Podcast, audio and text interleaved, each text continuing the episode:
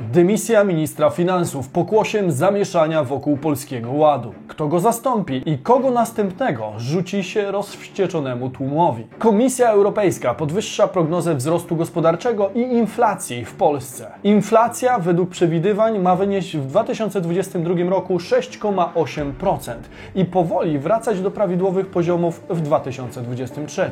Następna podwyżka stóp procentowych. NBP konsekwentnie trzyma się planu, a Adam Glapiński zapowiada, że zaryzykowałby nawet podwyżkę powyżej 4%. Podczas gdy owa deklaracja mrozi krew w żyłach kredytobiorców, prezes NBP informuje również o zamiarze dokupienia dużej ilości złota do polskich rezerw. Dokładniej chodzi o kolejne 100 ton, ponad obecnie zebrane w skarbcach 230 ton.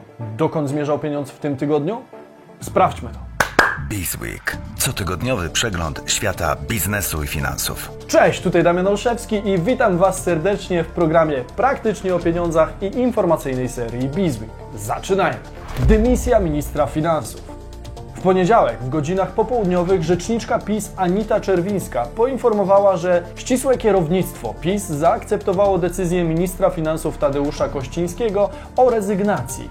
Do czasu wyłonienia nowego szefa resortu finansów funkcję tę będzie pełnił premier Mateusz Morawiecki. Jest to pierwsza, ale być może nie ostatnia dymisja za liczne błędy wynikające z wprowadzenia programu Polski Ład. Na celowniku mogą znaleźć się również wiceministrowie Jan Sarnowski i Piotr Patkowski. Nieoficjalnie mówi się, że nowym szefem Ministerstwa Finansów może zostać Gertruda Uścińska, która jest wieloletnią prezes ZUS-u. Wiceminister Rozwoju i Technologii Olga Semeniuk zapytana w Radiu Z o to, czy to prezes Zakładu Ubezpieczeń Społecznych Gertruda Uścińska zostanie nową minister finansów, odpowiedziała: Bardzo cenię sobie współpracę z panią profesor. Przez ostatnie dwa lata pani profesor pokazała dużą systematyczność i zaangażowanie, dodała. Semeniuk zaznacza jednak, że nie uczestniczy w podejmowaniu takich decyzji. Ponadto zdymisjonowany Tadeusz Kościński również nie kryje swojego poparcia dla Gertrudy Uścińskiej. Wspomniano również m.in. o ministrze rozwoju i technologii Piotrze Nowaku, prezesie banku PKO Leszku Skibie, wiceministrze finansów Arturze Soboniu, prezesie banku PKO BP Iwonie Dudzie oraz o wiceministrze i ministrze rolnictwa Henryku Kowalczyku. Te osoby również są w obiegu osób, które mają szansę na objęcie resortu na Świętokrzyskiem. Dziennik Gazeta Prawna poinformował, że w najnowszym sondażu United Surveys respondenci najczęściej oczekiwali, że konsekwencje za nieudane wdrożenie reformy podatkowej poniosą wiceministrowie i urzędnicy oraz sam premier Mateusz Morawiecki. Dymisji Tadeusza Kościńskiego oczekiwało zaledwie 7,7% respondentów. Tak więc mamy kozła ofiarnego. Jak potoczą się dalsze losy zarządzających Ministerstwem Finansów? Kto przejmie resort? Czy będzie to wieloletnia prezes ZUS, która wyłania się jako główny kandydat na stanowisko? Na pewno bardzo ważnym pytaniem jest też to, czy Polski Ład zostanie przesunięty w czasie, czy jednak Ministerstwo Finansów z nowymi osobami decyzyjnymi na pokładzie spowoduje pozytywne zmiany w programie oraz zniweluje liczne buble prawne. Kolejna podwyżka stóp procentowych. We wtorek, podczas posiedzenia Rady Polityki Pieniężnej, podjęto decyzję o podwyżce wszystkich stóp procentowych o 50 punktów procentowych, co było zbieżne z oczekiwaniami rynku. Główną stopę NBP podwyższyło do 2,75%, stopę lombardową do 3,25%, depozytową do 2,25%, redyskontową do 2,80%, a dyskontową do 2,85%. Liczni ekonomiści zapowiadają, że na pewno na tym nie koniec podwyżek. Widać, że RPP zależy na przewidywalności jej kroków. Spodziewamy się, że w marcu zapadnie decyzja o kolejnej podwyżce o 50 do 75 punktów procentowych. Nie można wykluczyć, że cykl podwyżek będzie kontynuowany w następnych miesiącach. Zatrzyma się na poziomie co najmniej 3,5% tłumaczy Piotr Bujak, główny ekonomista banku PKO BP. Jeszcze większą podwyżkę zapowiada Marcin Mazurek, główny ekonomista mBanku, który zapowiada, że stopa referencyjna może osiągnąć nawet 4%. Jeśli dobijemy do tego poziomu, to można liczyć, że inflacja wróci w okolice celu inflacyjnego wynoszącego 2,5% w perspektywie drugiej połowy 2023 roku. Stopy na poziomie 4% dopuszcza Adam Glapiński, który na środowej konferencji prasowej przekazał, że jeśli zajdzie znajdzie taka konieczność, dopuszcza, aby stopy procentowe wzrosły nawet powyżej 4%. W komunikacie z posiedzenia RPP motywuje swoją decyzję obserwowanym w Polsce ożywieniem aktywności gospodarczej. Jest to oparte na faktycznych danych, ponieważ z najnowszymi szacunkami Ministerstwa Finansów wzrost PKB w 2021 roku wyniósł 5,7%, a w samym czwartym kwartale 2021 nawet 7%.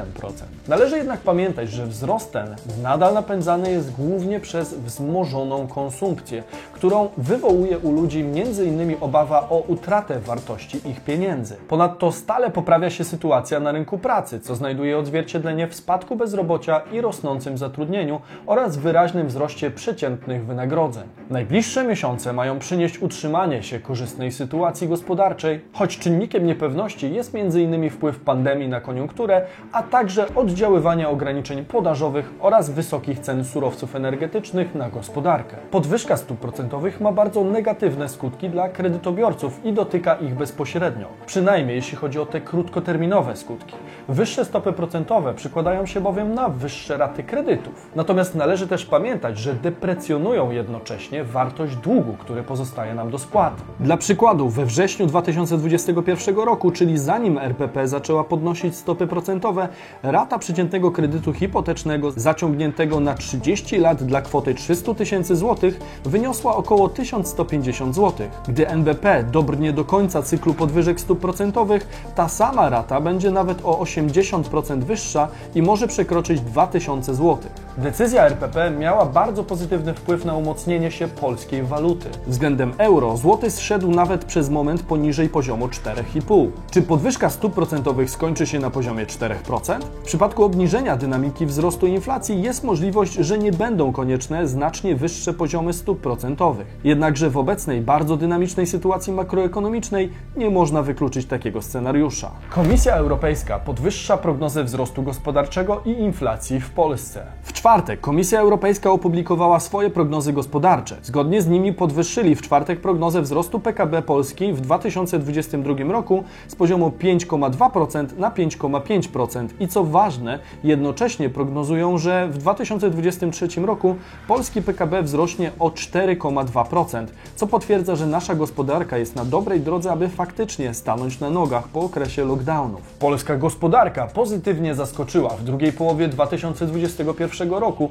potwierdzając swoją odporność pomimo nawracających fal COVID-19 i zakłóceń w łańcuchach dostaw. Ostatnie wyniki oraz prognozy makroekonomiczne są dla Polski bardzo korzystne. Ponadto warto wspomnieć, że po spotkaniu z 6 lutego pomiędzy prezydentem Rzeczypospolitej Polskiej Andrzejem Dudą a prezydentem Chin Xi Jinpingiem strona chińska przekazała, że Chiny chcą aktywnie uczestniczyć w budowie polskiego hubu logistycznego i pomóc Polsce stać się kluczowym węzłem łańcucha dostaw Chiny-Europa. Bardzo ciekawa deklaracja ze strony Chińczyków, którzy widać, że dynamicznie reagują na zmiany geopolityczne. To może być ogromną wartością dodaną dla polskiej gospodarki i przede wszystkim być kołem zamachowym dla polskich przedsiębiorców. Ponadto taki bieg wydarzeń może poprawić finanse publiczne oraz sytuację przeciętnego Kowalskiego. Jeśli chcielibyście zobaczyć cały odcinek o relacjach gospodarczych pomiędzy Polską a Chinami, to dajcie znać w komentarzu. Niestety, prognoza dotycząca inflacji nie napawa tak dużym optymizmem jak ta dotycząca PKB. Komisja Europejska prognozuje, że inflacja w Polsce w 2022 roku wyniesie 6,8%,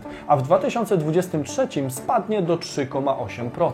Wcześniejsze prognozy mówiły odpowiednio o 5,2% i 2,6%. Komisja Europejska w komunikacie podała, że inflacja HICP wyraźnie wzrosła w drugiej połowie 2021 roku z powodu rosnących światowych cen surowców i wąskich gardeł w zaopatrzeniu, pozostawiając na rocznym poziomie 5,2% w 2021 roku najwyższym od 20 lat.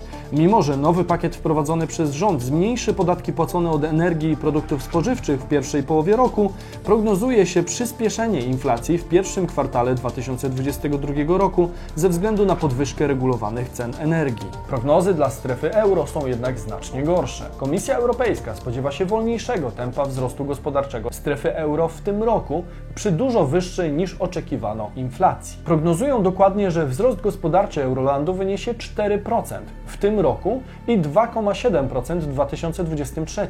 Wcześniej ta instytucja unijna twierdziła, że tempo wzrostu w 2022 roku będzie na poziomie 4,3%, a w kolejnym na 2,4%. W kontekście inflacji podwyższono prognozę z 2,2% do 3,5% w 2022.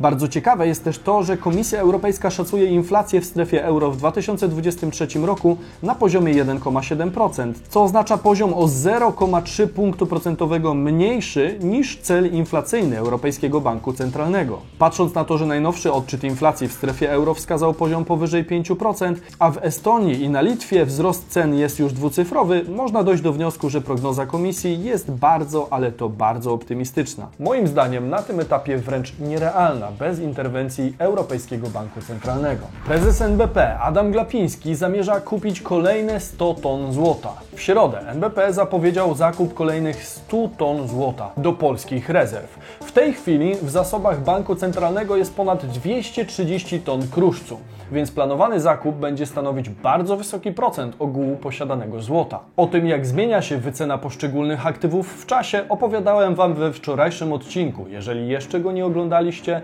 to zapraszam tutaj. Opowiadam tam również o tym, jak zachowuje się złoto w krytycznych sytuacjach. W odcinku wspominam również o banku PKO SA, który jako jeden z pierwszych zaczął reagować na rosnące stopy procentowe i uruchomił rachunek na 2,5%. Można go założyć po otwarciu konta przekorzystnego. Umówmy się, poziom 2,5% nie jest nawet bliski temu, co obecnie odbiera nam inflacja. Jeśli jednak ktoś nie jest przekonany do rozwiązań, które opisywałem w odcinku o ochronie kapitału, to warto choćby zmienić konto w banku na bardziej opłacalne. Bank umożliwia również założenie rachunku poprzez selfie i wynagradza dodatkową premią po spełnieniu kilku prostych warunków. Osoby od 18 do 26 roku życia mogą otrzymać bonusowe 200 zł, a osoby powyżej 26 roku życia mogą liczyć na bonusowe 100 zł. Konto możecie założyć tutaj, natomiast każdy założony rachunek wspiera naszą działalność i rozwój tego kanału, ponieważ zdecydowaną większość pozyskanych w ten sposób środków reinwestujemy bezpośrednio w to miejsce. Jeśli chcielibyście skorzystać z oferty PKO SA, to oczywiście linka załączę bezpośrednio w komentarzu przypiętym oraz w opisie filmu. Absolutnie nikogo do niczego nie zmuszam, a zachęcam jedynie osoby, które rzeczywiście skorzystają na posiadaniu takiego rachunku, bo nie każdy inwestuje i nie każdy może liczyć w swoim banku na choćby takie oprocentowanie. Dążymy wyłącznie do relacji win-win. Wy wygrywacie, my rozwijamy kanał. Oczywiście ten, jak i żaden inny produkt nie jest dla każdego, ale zauważmy to, że dla części widzów może być to produkt, który jest odpowiedni. Mam nadzieję, że taki układ jest dla Was fair, a jeżeli nie, to dajcie znać w komentarzu, co byście zmienili w relacjach sponsorskich na kanale, bo Wasze zdanie ma dla nas kluczowe znaczenie. W latach 2018-2019 NBP kupił 125,7 ton złota, a na koniec sierpnia zeszłego roku zasób złota Banku Centralnego sięgnął już dokładnie wspomniane wyżej 230,2 tony. Adam Glapiński tak motywował swoje decyzje w październiku 2021 roku. Dlaczego Bank Centralny posiada złoto? Bo złoto utrzyma swoją wartość nawet wtedy, kiedy ktoś odłączy prąd światowemu systemowi finansowemu, obracając w niwecz tradycyjny majątek oparty na elektronicznych zapisach księgowych. Oczywiście nie zakładamy, że to nastąpi, ale jak mówi przysłowie, przezorny zawsze ubezpieczony. A od banku centralnego wymaga się właśnie tego, aby był przygotowany na każdą, nawet najbardziej niesprzyjającą okoliczność i dlatego widzimy szczególne miejsce dla złota w naszym procesie zarządzania rezerwami dewizowymi. To prawda, że złoto najprawdopodobniej będzie w cenie nawet kiedy zawiedzie nas cały system finansowy oparty w dużej mierze właśnie na dostępie do internetu oraz prądu. Przyjęło się, że złoto faktycznie jest bezpieczną przystanią i chroni kapitał przed negatywnymi skutkami, jakie wywołuje m.in. inflacja, która opanowała obecnie prawie cały świat, w tym USA, strefę euro lub Polskę, o czym słyszycie na każdym kroku i przekonujecie się podczas codziennych zakupów. Złoto może być bezpieczniejsze dla NBP niż posiadanie walut obcych, które mogą tracić na wartości. Ponadto prezes Glapiński swoją decyzję motywuje tym, że zwiększenie zasobów złota stawia Polskę jako wiarygodnego partnera biznesowego oraz ma korzystny wpływ na spojrzenie inwestorów na nasz kraj. Adam Glapiński zakupi kolejne 100 ton w jak to ujął korzystnej sytuacji, kiedy to będzie we właściwym momencie i właściwych dawkach. Spójrzcie jak kształtowały się ceny tego kruszca w ostatnich trzech latach. Złoto bardzo dynamicznie istotnie zaczęło rosnąć w okresie pandemii, choć na początku pierwszej fali notowało spadki, tak jak prawie wszystko na giełdach. Z wiedzy, którą zapewnia nam historia, wiemy jednak, że złoto powinno rosnąć w czasach niepewnych oraz w okresie podwyższonej inflacji. Co powinno też rosnąć, to liczebność świadomej finansowo społeczności Bizonów, do której możecie dołączyć subskrybując kanał tutaj. Mówił Damian Olszewski, a to był Bizweek, wasz cotygodniowy przegląd najważniejszych wydarzeń ze świata biznesu i finansów. Zostawcie komentarz Bizon lub Bizweek, a my widzimy się w sobotę i niedzielę o 15, a w środę o 17. Cześć!